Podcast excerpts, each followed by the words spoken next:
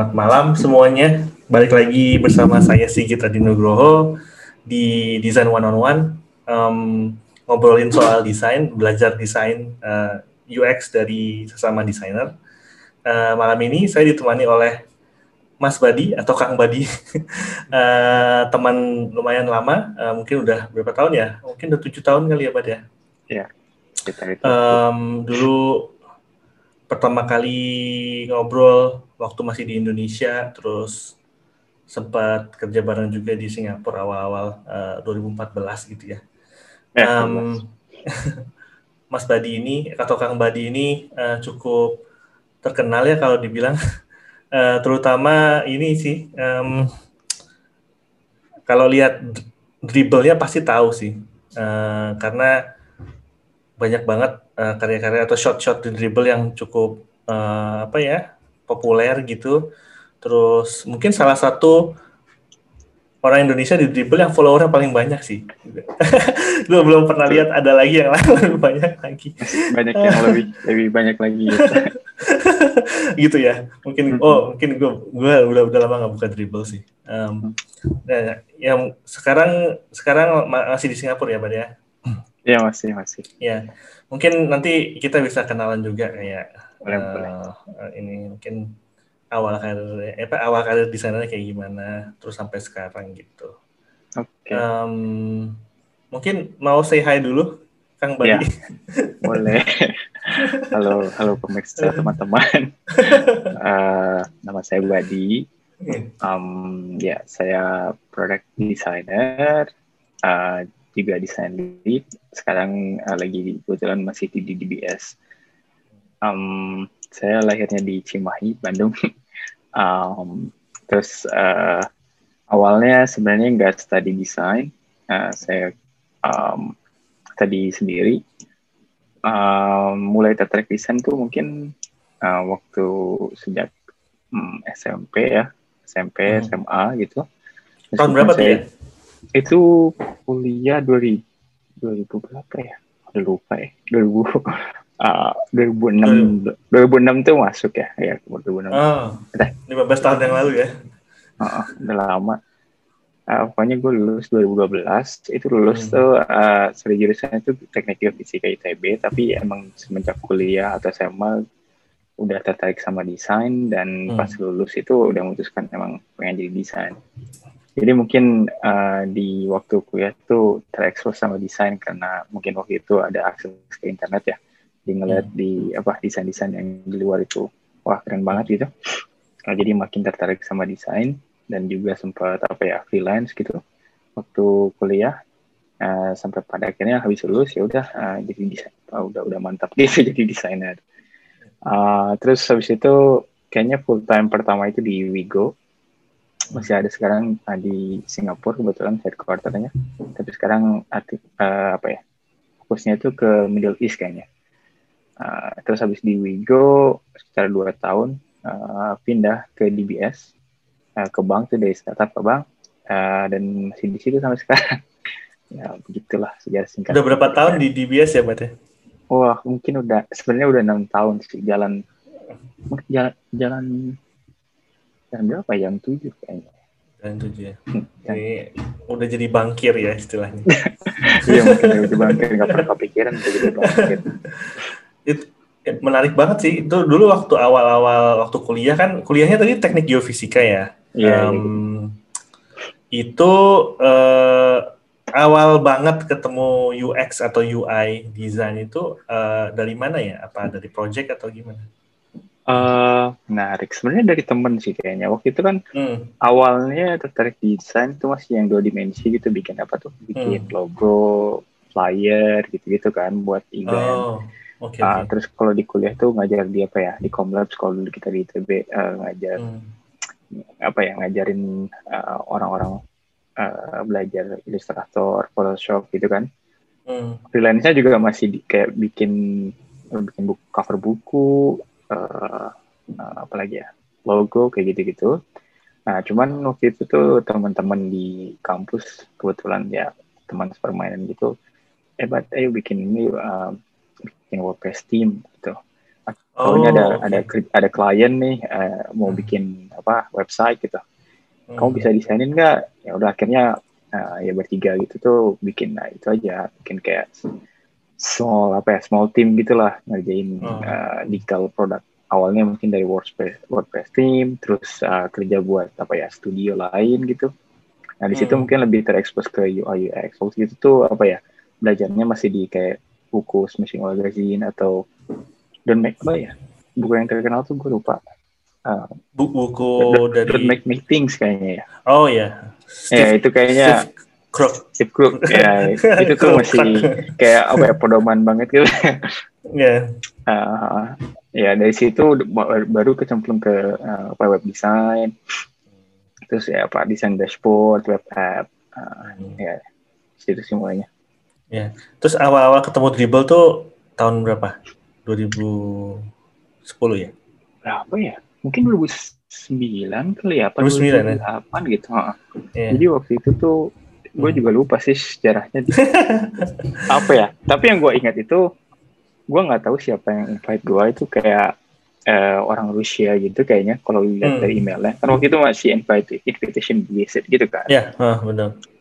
Uh, terus gue pas gue dapet dari Invat ya senang banget sih karena sebelumnya itu gue udah mantengin si Dribble itu uh, kan sebelum Dribble tuh masih ada forum kayak DeviantArt yang zaman dulu kan nah Wah, iya. bedanya bedanya si Dribble itu bener-bener apa ya hmm. mungkin lebih clean kali ya kalau DeviantArt kan macam-macam tuh hmm. ada graphic design ada photo manipulation game 3D gitu kan Iya. Yeah. atau fan art fan art design gitu kalau Dribble hmm. itu bener-bener clean dan uh, kalau ngelihat produk-produk yang di feature tuh biasanya web design atau hmm. apa ya atau ya mungkin illustration graphic design gitu dan emang keren-keren terus akhirnya bisa masuk ya senang banget terus akhirnya ya mulai sedikit-sedikit uh, aktif lah di situ ngepost okay. ngepost gitu ya tapi ngepost itu biasanya project client atau kayak eksplorasi gitu kalau awal-awal gue lupa ya kayaknya mungkin hmm. eksplorasi sih karena kan hmm. belum punya apa ya uh, portfolio atau belum pernah belum punya word yang worth it lah gitu lah kasarnya. Uh, Jadi ya kita mulai aja dari konsep kalau nggak salah. Gue pernah lihat awal-awal shotnya Badi itu hmm, hmm. Uh, masih kayak Photoshop Photoshop banget gitu terus uh, apa skeuomorphic gitu ya. Gue masih inget yeah, banget yeah. tuh. Oh, iya, Zaman dulu kan nah, masih Iya, uh, gue pernah iseng-iseng sampai ke akhir posting gitu. Ke akhir postingannya. Uh, um, Entar deh, kayaknya masih ya benar-benar. Kayaknya dulu UI design tuh ribet gitu ya. Maksudnya iya. dalam, dalam arti tuh kayak sekarang ya. Kayak, seniman gitu. Uh, uh, lu spending banyak waktu buat polishing. Bener gak sih? Iya, iya. Iya bener sih. Hmm. Jadi apa ya, kalau dulu gua ngerasa uh, apa ya, karena suku morfik itu kan, jadi hmm. jadi apa ya, gimana lo kalau misalkan bikin navigation itu emang ya lo nggak cuma focusing cuma bikin struktur yang oke okay, tapi juga desain dalam artian visualnya pun lebih banyak yang dikerjain kayak kamu bisa explore Betul. style lo mau kayak gimana apalagi kalau waktu itu kita ada influence kayak apa tuh leather atau glossy lah atau yeah. um, ya, macam-macam lah pokoknya Terus referensinya dari mana nih, Bat? Kan mungkin kan dulu background backgroundnya uh, bukan apa, bukan graphic design atau UX gitu ya. Nah. Terus referensinya gitu, uh, replicate semuanya atau ya yeah, how come it's it's become your style gitu?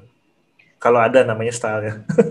Iya, yeah. kayaknya gue sih nggak nggak ada kali style. Maksudnya hmm. gue lebih apa ya explore exploring gitu kali ya. Tapi emang gue hmm. lebih suka yang mungkin lebih clean gitu kali ya. Kalau bisa hmm. mungkin itu style. Hmm uh, inspirasinya nggak jauh-jauh sih mungkin dari dribble juga sama hmm. produk. Uh, kalau dulu Behance juga udah ada sih, cuman ya Behance kan uh, wide ya, maksudnya yeah. range-nya gitu dari produk. Uh. Um, jadi emang dulu juga mungkin terinspirasi sama desain-desain yang emang clean gitu. Salah satunya mungkin desainnya Fares kali ya. Oke, okay, Mas Fares Farhan ya. Iya, Mas okay. Fares Farhan. Oh, itu idola. Oh. jadi kayaknya dulu Mas Fares idola, terus sekarang Badi jadi idola. Jadi kayak nanti ada ada generasi berikutnya iya, Badi lagi mungkin. gitu. Iya menarik banget sih. Terus kalau saya badi lihat dari uh, dulu UX designer atau UI designer kayaknya uh, kayak di bukan dihargai tapi maksudnya kayak kayak jadi inilah apa um, sumber inspirasi banget gitu dan dilihat banget kayak experience dari suatu produk itu dilihat dari salah satunya UI design gitu. Hmm. Tapi kalau sekarang kan mungkin agak nggak tahu nih opini pribadi mungkin kayak yeah, yeah. lebih berkurang gitu. Mungkin uh, udah shifting ke misalnya oh yang penting sih um, achieve matrixnya gitu misalnya ada impactnya gitu. Nah ini opini Badi gimana?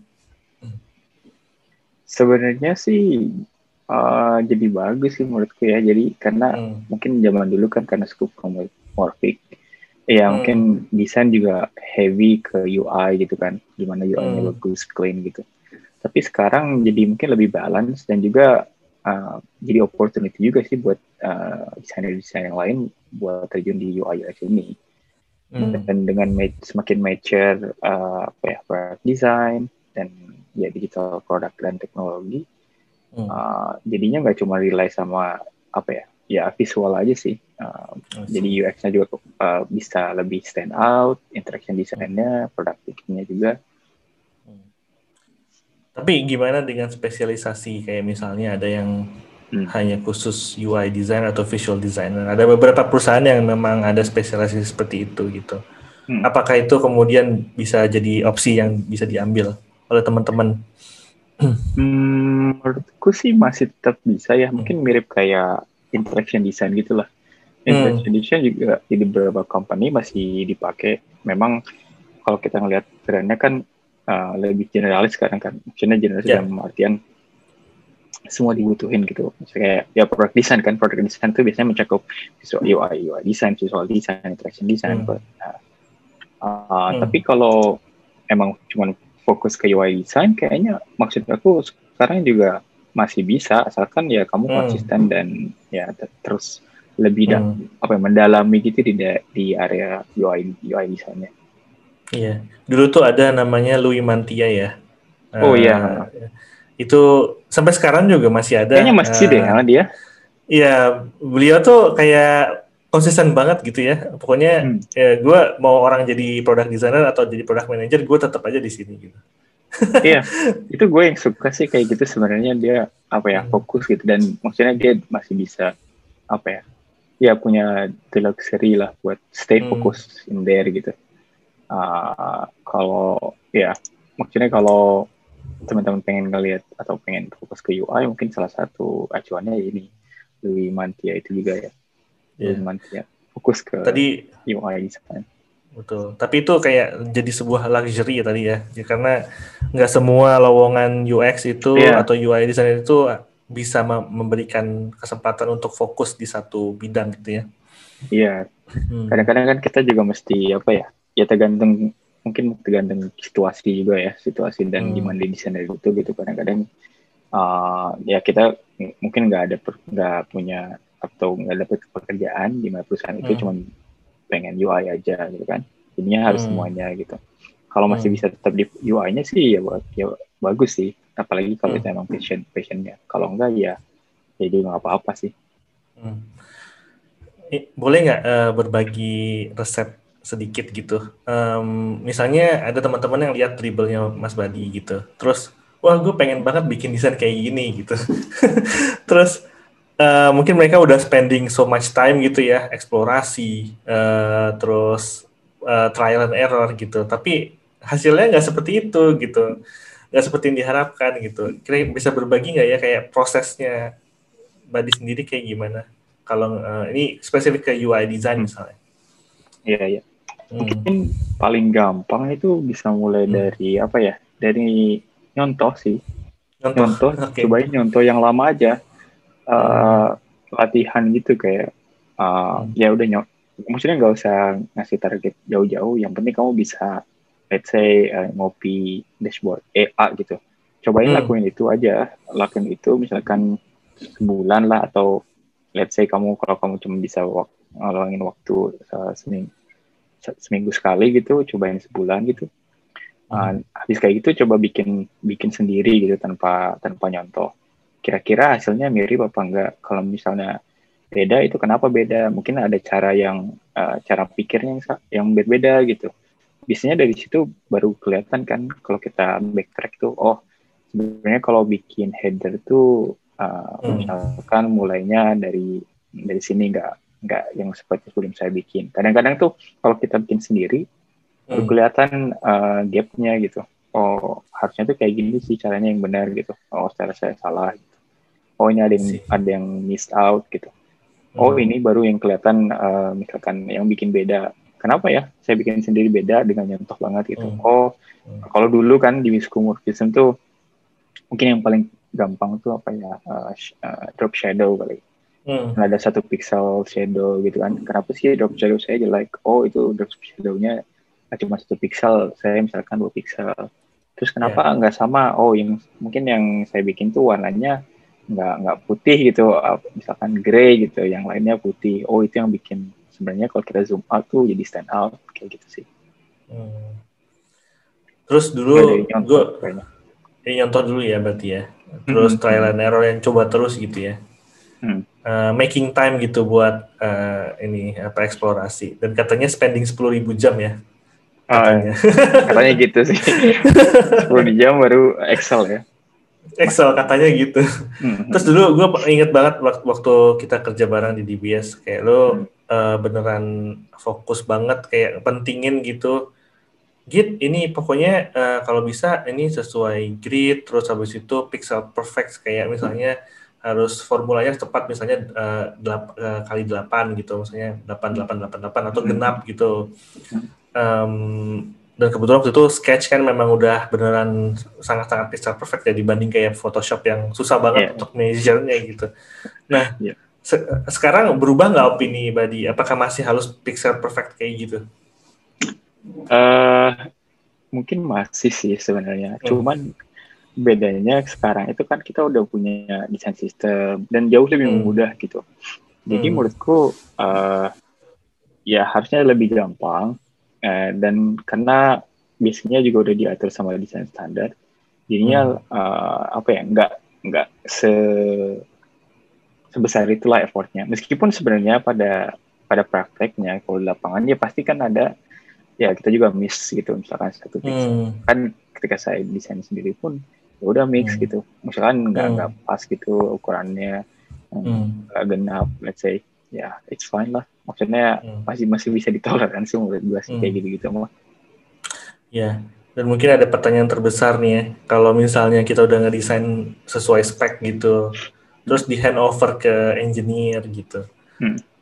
biasanya kan pasti ada ini tuh perubahan drastis tuh itu iya, iya. kayaknya sampai sekarang belum pernah bisa terpecahkan tuh ya itu gimana caranya biar biar lancar gitu ada tips nggak sebenarnya paling gampang sih duduk bareng sih menurut gua sih. uh, Oke. Okay. Itu menurut gua solusi yang paling gampang tuh kalau bisa hmm. ya duduk side by side gitu lah.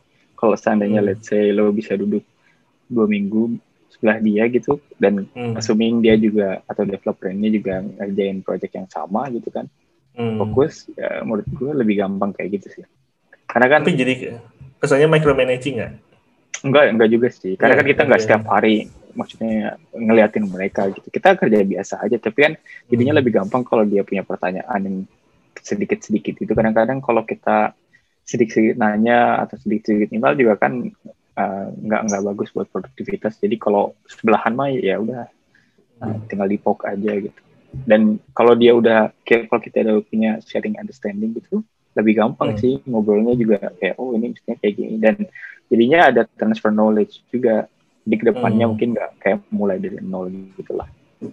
I see, oke. Okay. Um, terus kita beralih ke topik prototyping nih ya.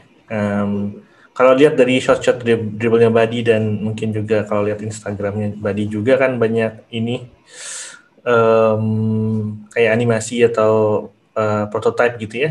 Um, interak, interaksi misalnya antara antar screen gitu, terutama mobile hmm. uh, mobile native gitu. Hmm. Nah, um, menurut Badi, uh, kenapa prototyping itu penting? prototyping penting karena lebih gampang buat orang tahu uh, hmm. gimana sih ekspansi app-nya sih.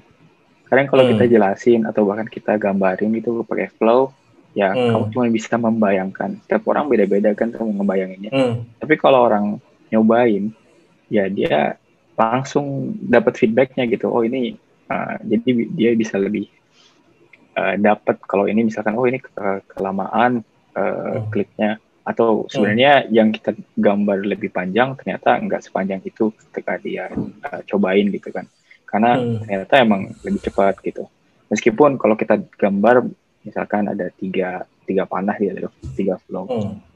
ya menurut aku sih itu sih karena prototype itu apa ya ya le lebih hmm. gampang lah buat menyampaikan idenya gitu dibandingkan cuman hmm. statik kalau uh, UI aja atau flow cuma hmm. statik. Tapi itu apakah hanya untuk yang uh, detail apa interaction yang detail detail banget kayak misalnya micro gitu atau bisa hmm. juga satu flow panjang gitu di prototype? Justru menurut aku lebih lebih lebih apa ya lebih penting tuh mungkin flow yang panjang dulu kali ya itu sebelum hmm. yang detail itu kan detail biasanya kan kita polishnya di terakhir gitu karena kalau uh, flow-nya belum dapat agak susah juga kita buat masuk ke detailnya kan. Menurut menurutku lebih lebih penting kalau orang udah dapat full experience-nya kayak gimana gitu. Hmm. Kalau prototyping gitu masuk desain sistem juga nggak sih? Kayak misalnya kayak ada beberapa interaction yang dipakemin gitu istilahnya ya. Menurutku sih ya, cuman yeah. hmm, kayaknya jarang ya kalau hmm. si micro micro interaction yang super detail itu di embed hmm. di desain sistem hmm. ada sih gue yakin uh, hmm. kayak dan biasanya uh, apa ya common patternnya emang di di dikomunikasikan di desain sistem kayak misalkan interaction tap on a button atau hmm. slide up uh, modal, modal misalkan gimana caranya interaction ketika button itu di tap terus misalkan modalnya itu mau kayak apa interaction yang mau slide up atau misalkan pop up bounce kayak gitu-gitu nah, hmm. nah itu sebenarnya bisa di desain sistem cuman kalau yang super detail mungkin maksud gue kalau yang super custom gitu jarang di desain sistem tapi yang common biasanya uh, bisa bisa didokumentasi di, di desain sistem Iya, kayak lihat kalau nggak salah Google Material atau apa gitu ya, yang oh iya, uh, toast kayak gimana uh, transisinya yeah. lupa deh kayaknya gitu deh iya yeah, yeah, benar-benar itu justru lebih detail banget itu kayak yeah. sampai animation animationnya pun dan apa ya type of isinya hmm. juga diatur di situ hmm. lebih keren lagi oke okay. Kalau eh, favorite toolsnya apa buat prototyping oke okay, menarik mungkin sejauh ini favorite favorite toolsnya masih Flinto kali ya Oh, mungkin Flinto ya? Terlalu, iya, mungkin nggak terlalu populer sih. yeah. Tapi uh, kenapa gue suka Flinto itu karena hmm. dia ada maksudnya lo ada default preset kayak back gitu hmm. gitu kan back slide up klik uh, slide apa ya push back gitu-gitu mirip kayak Envision hmm. intinya udah ada preset hmm. tapi juga lo bisa custom hmm. jadi kalau lo mau lo bisa create interaction sendiri hmm. terus nanti lo save nah, jadinya bisa di reuse uh, oh, terus okay. mungkin selain itu prinsipal cuman prinsipal kan fokus ke micro banget gitu jadi lo mesti prepare asetnya gitu agak ya agak lama sih buat gue dibandingkan kayak Flinto. Preparation, preparationnya agak lama ya. Iya, dan bisa reusable. Jadi gue suka itu karena mungkin lebih balance ke effort buat prepare-nya sama timingnya kali nggak nggak terlalu lama. Kalau Figma sendiri ada kan ya prototyping toolnya ya? Oh iya ada ada. Uh, Kemarin itu gimana? Terakhir juga pakai menurut gue juga oke okay, cuman pengalaman gue kalau di sini kan page-nya tuh banyak tuh maksudnya satu file tuh kadang-kadang satu project mm, uh, big big big file lah gitu dan hmm. kalau big file gitu kalau let's say gue bikin prototyping di page yang lain kadang-kadang hmm. nggak hmm. nggak secepat itu nggak seresponsif uh, oh. itu eh jadinya mungkin lebih bagus kalau kita bikin satu file sendiri gitu buat prototyping baru uh, lebih responsif kayaknya tapi kalau Figma kan enaknya bisa di-share langsung uh, eh, URL gitu ya. Kalau yeah, yeah, yeah, yeah. Flinto itu udah lupa sih, gue udah lama nggak prototype yang pakai Flinto. Tapi itu nge-share-nya masih dalam format dia sendiri kan ya atau iya, video yeah, malah ya. Hmm. Iya. Yeah. masih hmm. format dia sendiri dia bukan web jadinya mesti hmm. download uh, app-nya viewernya ya uh, viewernya benar viewernya dan itu kayaknya cuma iOS aja deh jadi kalau ke Android gue share-nya video sih video hmm. nah video itu berarti kan nggak bisa di interact ya nggak bisa di interact jadi lo play aja view play aja gitu okay. hmm. Jadi kayak pada akhirnya uh, kayak developernya juga harus uh, recreate gitu ya. Dia bukan gimana ya istilahnya ya? Ya pokoknya dia harus yeah. bikin sendiri gitu kan. Iya iya iya. Menarik banget nih. Terus um, mungkin mungkin juga pengen ngobrolin soal uh, karirnya Badi di DBS juga ya. Uh, mungkin dari ya kalau dilihat dari dari semua skill yang Badi udah uh, bangun selama ini gitu um, masih kepake nggak semua di uh, so soalnya kan gue tahu Badi udah udah jadi tim lead gitu yang udah manage orang gitu sampai sekarang masih kepake nggak sih semua skill UI dan prototyping ini masih sih, masih pakai banget menurut gue karena uh, apa ya?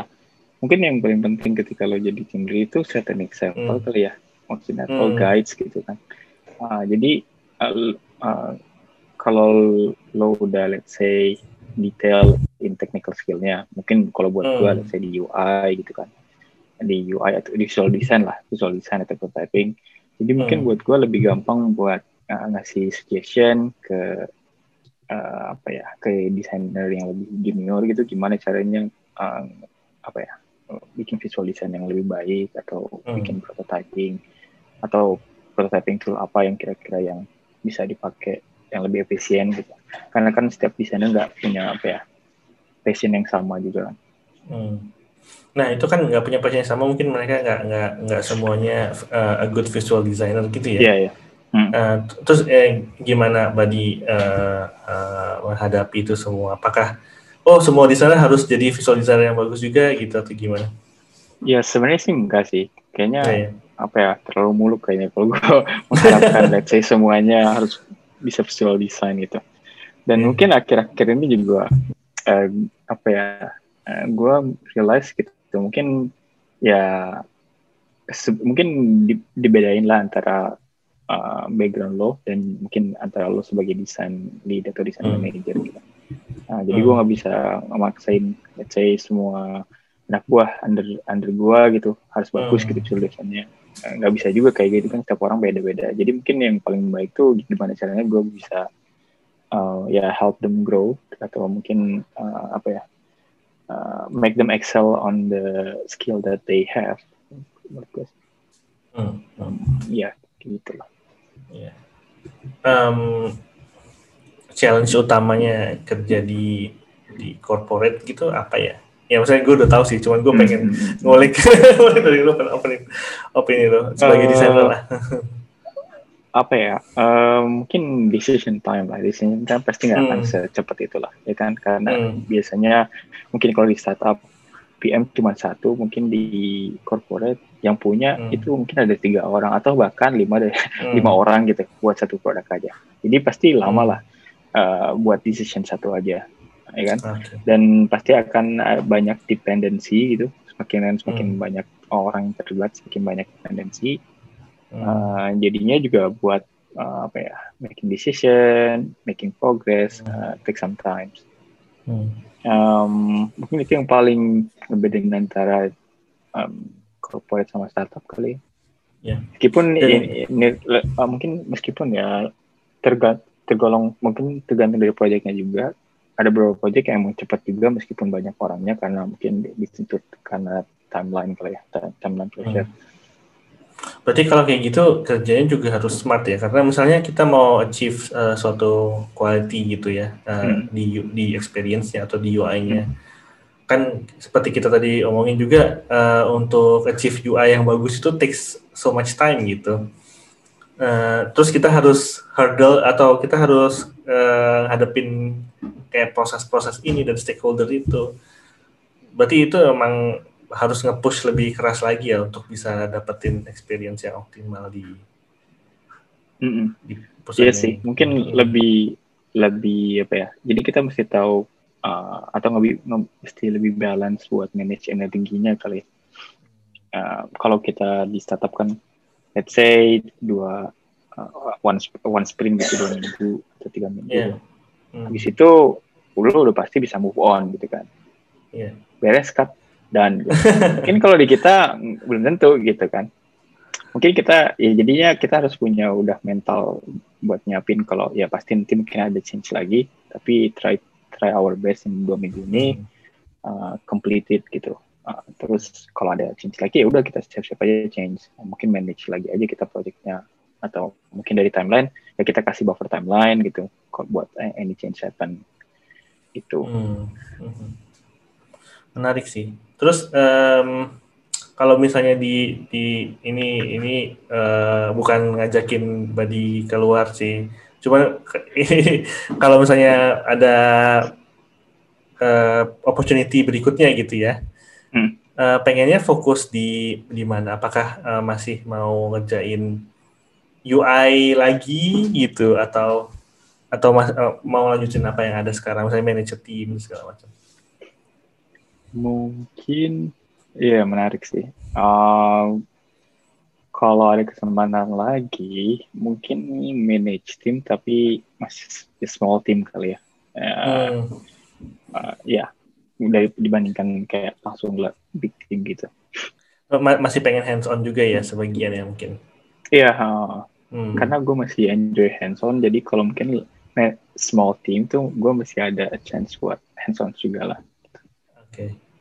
menarik banget. Um, terus akhir ini gue sering lihat Badi ngeposting kayak 3D animation gitu ya yang 3D illustration apa 3D animation gitu 3D animation uh, itu itu gimana tuh ceritanya tuh iseng aja sih iseng, uh, ya? apa ya sebelum sebelumnya tuh udah iseng dari mungkin dua tahun yang lalu ya ke hmm. 3D gitu sebenarnya mix sih antara motion antara animation sama 3D gitu kayak awalnya animation kayak After Effects terus beralih ke pengen nyobain ke kayak 3D awalnya nyobain Cinema 4D gitu kan kebetulan kantor ada tapi karena apa ya terlalu berat mungkin kalau dipakai di laptop sendiri dan juga nggak optimal jadinya pindah ke Blender yang free gitu dan bisa.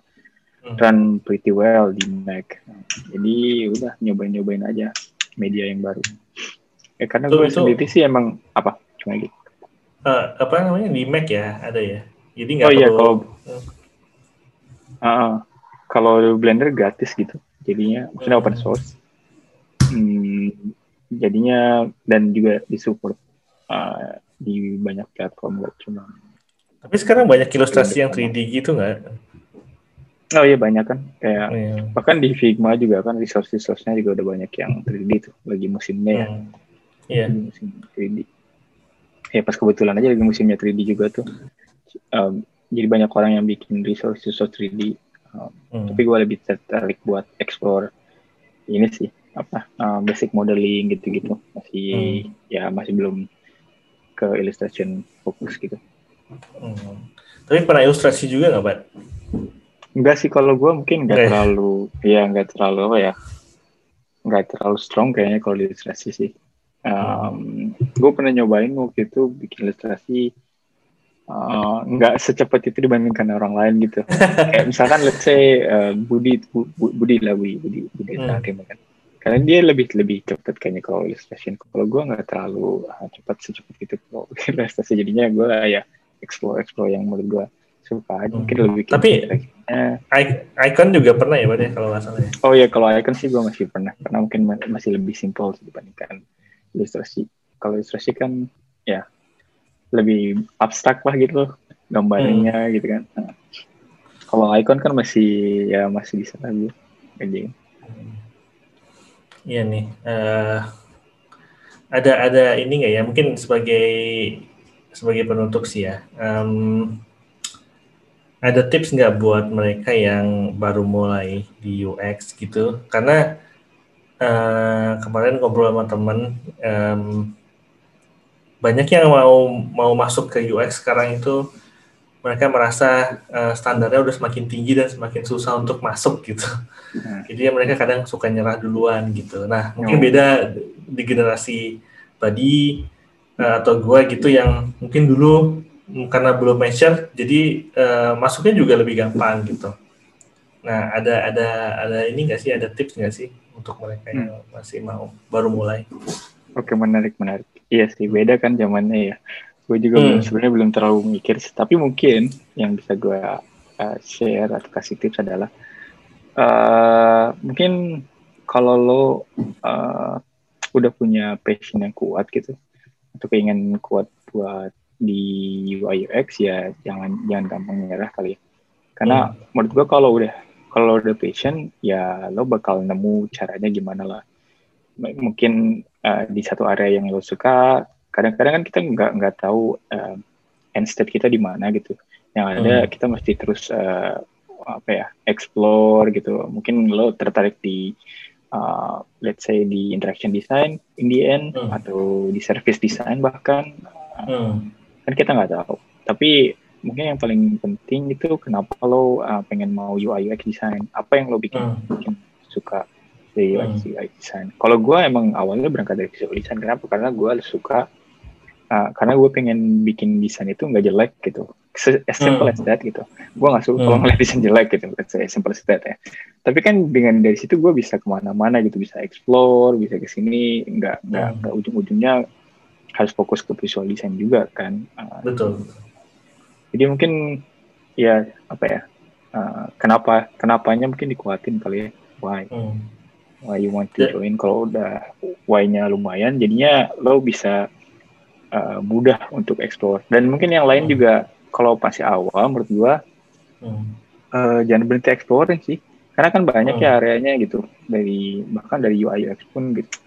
Ada interaction design, ada service hmm. design, uh, visual design, uh, itu banyak areanya yang menurut gua uh, mesti lo coba dan kalau lo stuck di satu area ya cobain yang lain gitu. Hmm. Ya sekarang ada research, ada design teknologi yeah. juga, uh, konten ya. Uh, konten UX writer bahkan kan? Iya, yeah, UX developer, apalagi banyak yeah. banget ya. Um, oh iya, UX developer juga itu kan masih masih nyambung nih ke UX bahkan kayak di apa uh, eh, AI gitu ada conversation designer gitu. Aduh, yeah, banget yeah, sih. bener, bener, bener. Um, iya sih. Tapi gue tertarik tadi yang lo bilang um, awalnya tuh sesederhana. Misalnya gue nggak mau lihat desain jelek gitu. Yeah, mungkin yeah, nah itu tuh kayak jadi dilematis juga karena kayaknya sekarang banyak uh, apa ya career advice gitu bilang lu harus uh, ini apa punya punya purpose yang luar biasa gitu. Yeah, yeah. Padahal kan sebenarnya awalnya kayak lo bilang tadi nggak nggak pasti kayak gitu kayak oh gue pengen gue seneng sama ilustrasi yang bagus gue nggak pengen lihat desain jelek atau mungkin gue pengen ya pengen aja gitu misalnya hmm. sesederhana mm -hmm. itu atau mungkin gue pengen pengen kerja di luar negeri misalnya gitu jadi itu yeah. sah sah aja ya menurut gue sah sah aja apalagi hmm. lu masih masih mulai gitu uh, hmm. maksud menurut gue sih uh, jangan jangan ngebandingin ketika lo uh, ngeliat orang yang dia orang itu misalkan udah di di atas gitu dalam artian hmm. udah punya beberapa pengalaman baru uh, dan itu kenapa mereka bisa bilang uh, have a purpose gitu kan hmm. tapi kalau lo baru awal itu menurut gue sih ya nggak mesti sejauh itu juga gitu hmm. karena kalau misalnya lo terlalu apa yang set terlalu jauh ya apa ya ya kasihan diri lo sendiri sih nantinya uh, burn out uh, burn out sendiri stres jadinya uh, hmm. maksudnya ya iya ben stres sih harus karena harus enjoy juga kan uh, itu hmm. menurutku lebih penting uh, karena itu yang bisa keep you going lah gitu betul oke okay. dan keluarga juga ya mungkin ya ya yes yes Ya oke. Okay. Um, ini makasih banget, Badi. Mungkin um, mungkin sampai di sini dulu, soalnya takutnya kepanjangan. uh, boleh, nanti lain kali kalau ada topik lain ntar kita bisa lanjutin lagi. Ini siap, siap. Ini makasih banget waktunya uh, Kang Badi. Um, moga-moga teman-teman semua ya juga uh, bisa belajar dari dari Mas Badi pengalaman Mas Badi. Uh, tadi juga ada dibilang kalau mau mulai ya alasannya bisa sesederhana ya gue suka desain gitu atau gue nggak suka desain yang jelek gitu dan um, mungkin jangan ngelihat terlalu tinggi dan terlalu jauh mungkin punya north star ya kayak uh, tujuan akhir boleh tapi tetap harus mulai ya intinya gitu. Iya, yep, yep, Dan- bener-bener. Dan jangan menyerah ya tadi ya kayak coba lagi coba lagi coba lagi gitu. Oke, eh, makasih banget Oke, tadi. makasih Sigit. Eh, Ya. nanti- eh, semoga apa eh, malam minggunya eh malam minggu- malam seninnya menyenangkan. Malam Senin. Kerja lagi. Iya, bisa kerja Eh, lagi. Ya, oke. eh, salam Ya, makasih keluarga. juga ya. Ya, Makasih buat. Sigit. Ya, Ya, sama-sama. Selamat malam. Bye-bye.